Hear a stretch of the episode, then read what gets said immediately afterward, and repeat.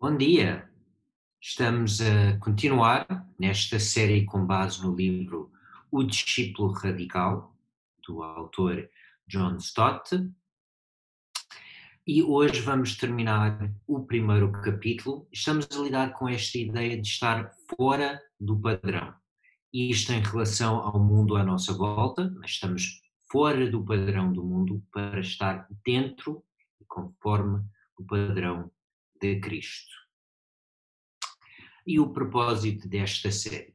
Esta série de mensagens pretende incentivar um compromisso com Cristo, de aprendizagem, de serviço, de imitação, são estas as características de ser um discípulo, e focado nas características básicas e essenciais que o autor definiu de modo radical. Então, é este o nosso propósito e estamos a lidar com esta ideia de fora do padrão, de inconformado, para seguir o exemplo de Cristo. E nós já introduzimos uma palavra-chave neste sentido na semana passada, com a ideia de ser santo. É essa ideia bíblica de sermos separados para viver segundo o padrão de Deus, o que implica viver fora dos padrões típicos deste mundo. E vimos na semana passada esta ideia no Antigo Testamento e hoje vamos explorar esta ideia que também está muito presente no Novo Testamento através do, de uma rica passagem bíblica em Romanos capítulo 12 onde o apóstolo Paulo diz: Portanto, irmãos, eu imploro-vos pelas misericórdias de Deus. E esta palavra implorar ou rogar em algumas traduções é uma palavra muito emocional. Paulo não apenas está a pedir, ele está a dizer à igreja, meus amigos, com toda a força emocional, pelas misericórdias de Deus, depois de ver tudo o que Deus tem feito para nós, todos os custos que Ele suportou, a única resposta que faz sentido é o seguinte: é disponibilizar os vossos corpos como um sacrifício.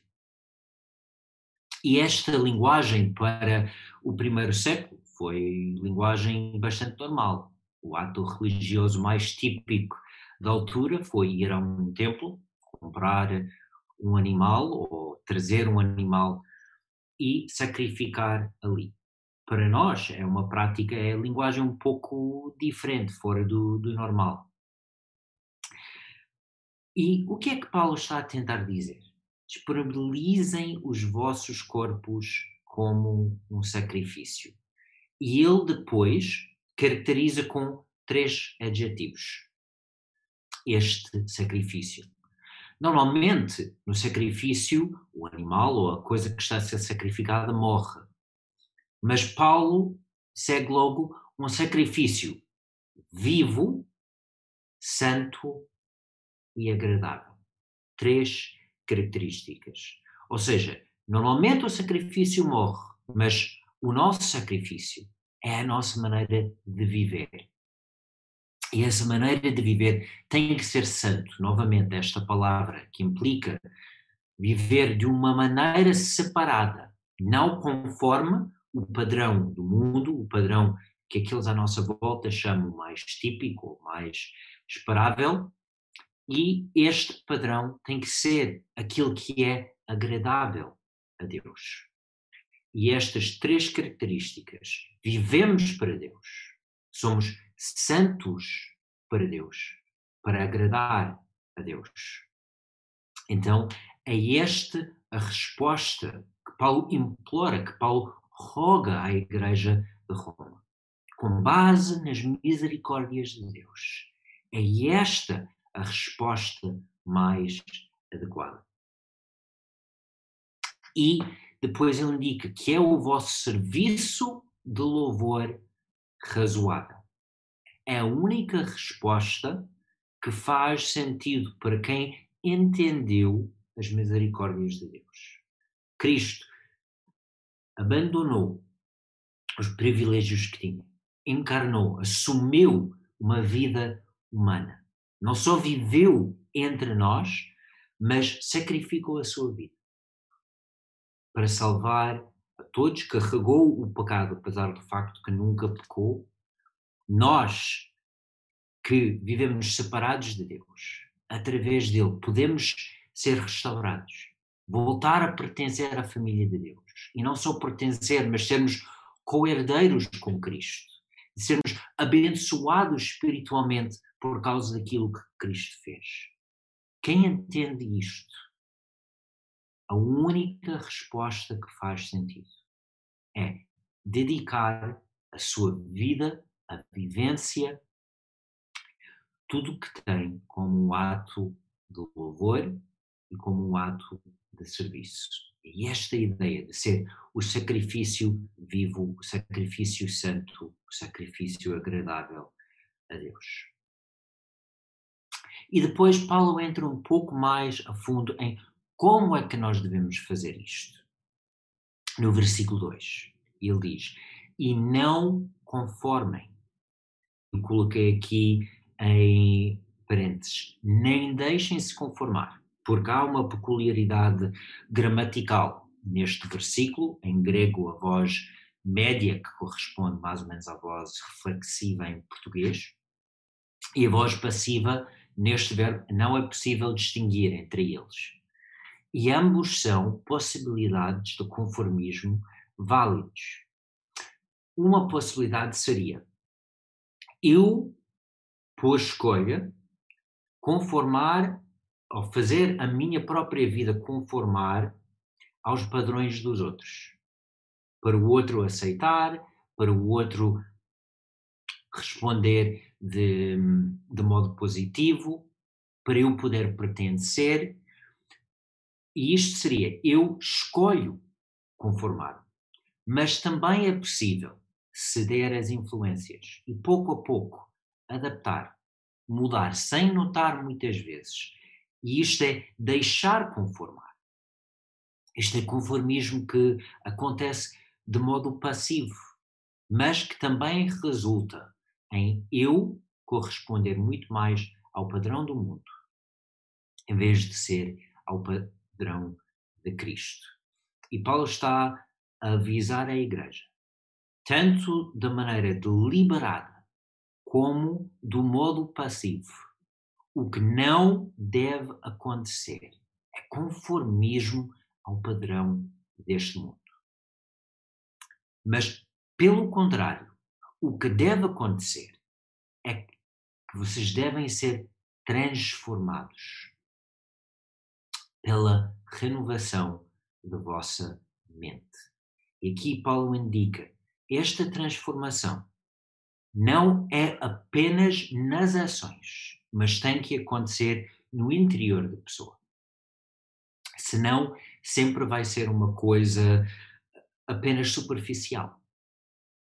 E o autor, neste capítulo, utiliza algumas metáforas para ajudar-nos a entender isto, e o próprio apóstolo Paulo, na segunda parte deste versículo, indica a finalidade desta transformação mental. Ele diz: para que, ao pôr as coisas à prova, ao testar as coisas, possam discernir a vontade de Deus, que é boa, agradável e completa. E esta última palavra, algumas traduções colocam perfeita. Existem diferentes palavras para esta noção de ser perfeito na língua original. E este não é perfeito em termos de ser moralmente perfeito, porque o ser humano não consegue entender a vontade de Deus em termos perfeitos. Mas a ideia de ser completo, de não faltar em nada que é essencial. E é possível, através da palavra, de procurar saber o que é que Deus quer para nós, de entender e de viver segundo isto, de modo que, no essencial, nada fica a faltar. Não é no sentido perfeito, nunca é. somos capazes de entender completamente, perfeitamente a vontade de Deus. Mas podemos entender o que é essencial, o que é básico. É isto que estamos à procura nesta série do discípulo radical. Entender a raiz e viver em conformidade com esta informação, com esta vontade de Deus. Stott utiliza a ideia do camaleão, que é uma, uma imagem do conformismo. É dos poucos animais que consegue mudar a sua aparência, cor da pele, para conformar melhor ao seu ambiente. Mas este animal, que tem uma capacidade rara no mundo da criação de Deus, mesmo assim não consegue alterar a sua estrutura.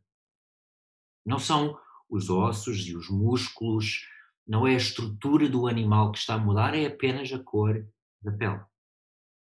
E para o animal que, que pode querer eh, tornar o, o camalhão o seu almoço ou o seu jantar, pode ser o suficiente para salvar a, a vida. É por isso que Deus deu esta capacidade. Mas é conformismo, não é transformação. Mas existe um outro exemplo de transformação no mundo que Deus criou. E é interessante que a palavra para transformação que está lá em Romanos é metamorfe, mudar para uma outra forma, outra estrutura. E usamos a palavra metamorfose para descrever a transformação que resulta na borboleta. E é uma transformação da estrutura, é uma transformação da essência. É uma transformação tão completa que onde começa e onde acaba, parece que, que não tem nada a ver. Uma criatura que passa a vida a comer folhas e de repente tem asas. Parece que, que não tem nada a ver. É uma transformação que é radical, uma transformação de estrutura, de essência, para ser algo novo. E é este o tipo de transformação que está em vista. É transformação da mente, da estrutura, da essência, não apenas daquilo que é superficial. E é esta ideia que Paulo está a tratar.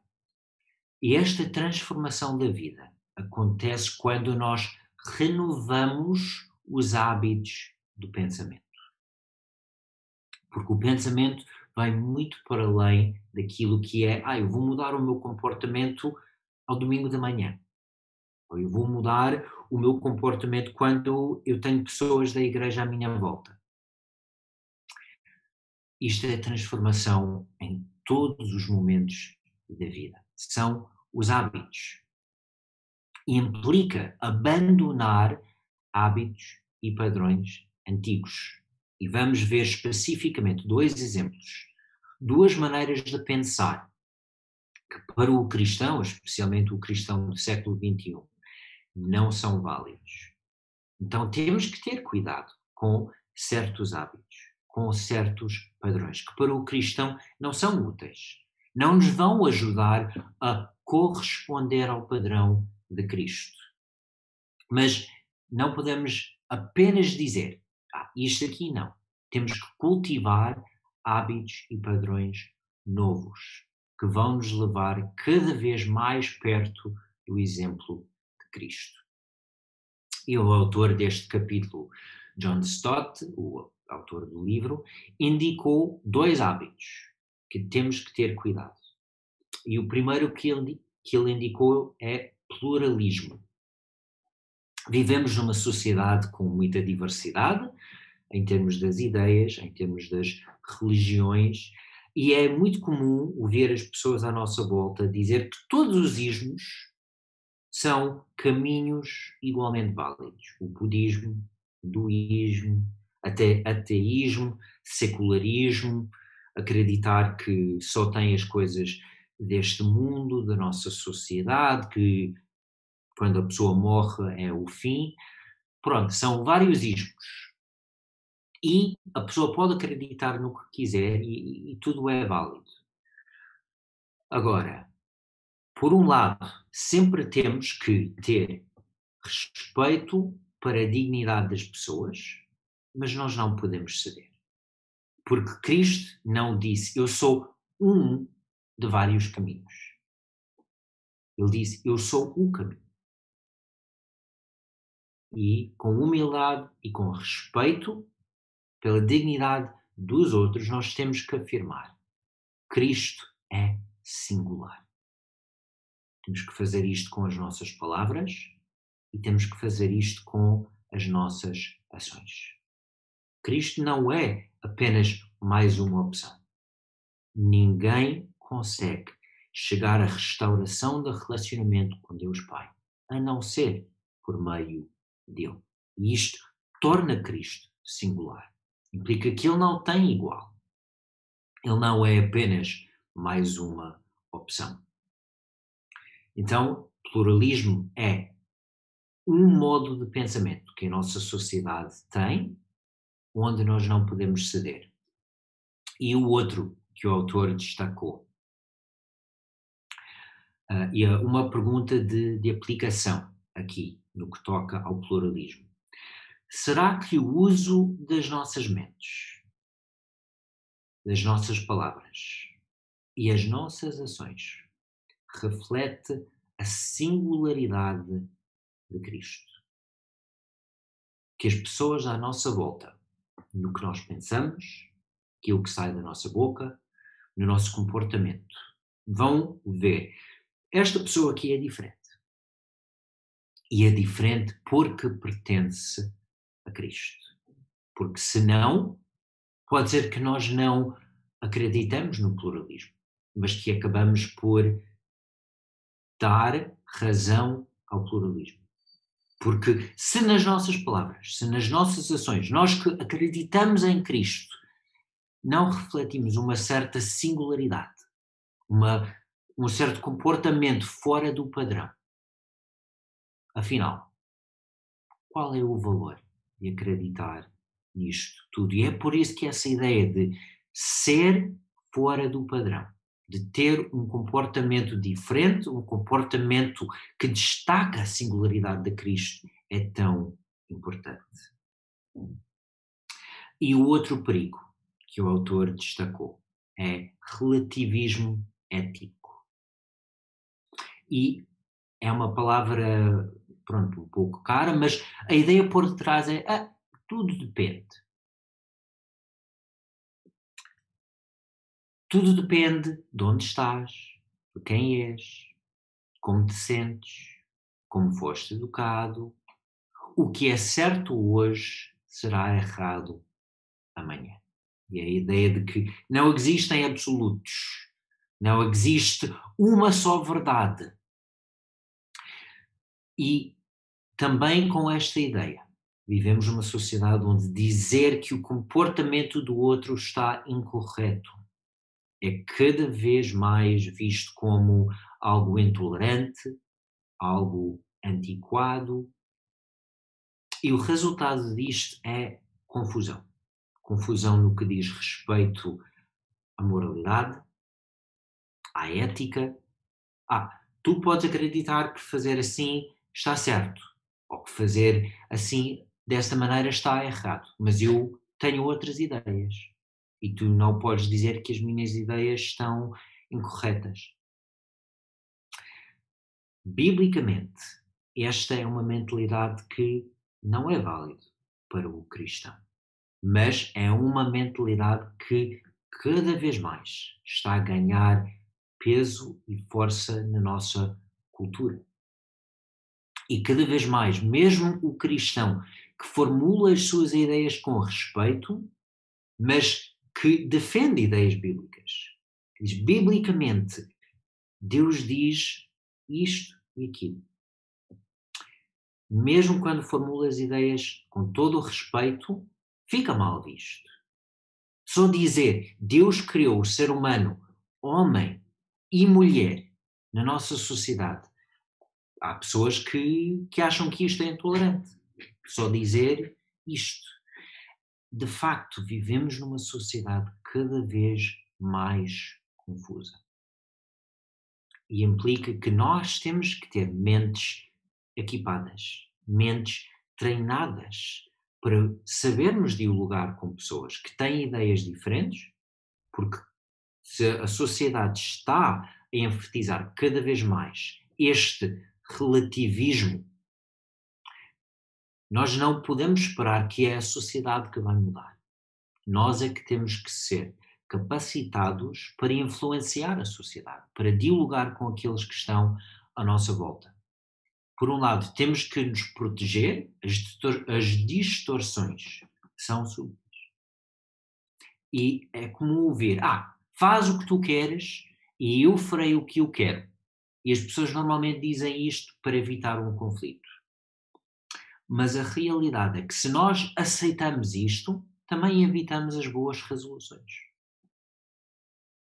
Se nós não sabemos dialogar, se não sabemos usar bons argumentos, usar evidências, usar o senso comum, usar a lógica, usar esta capacidade mental que Deus nos deu, nós nunca vamos conseguir resolver.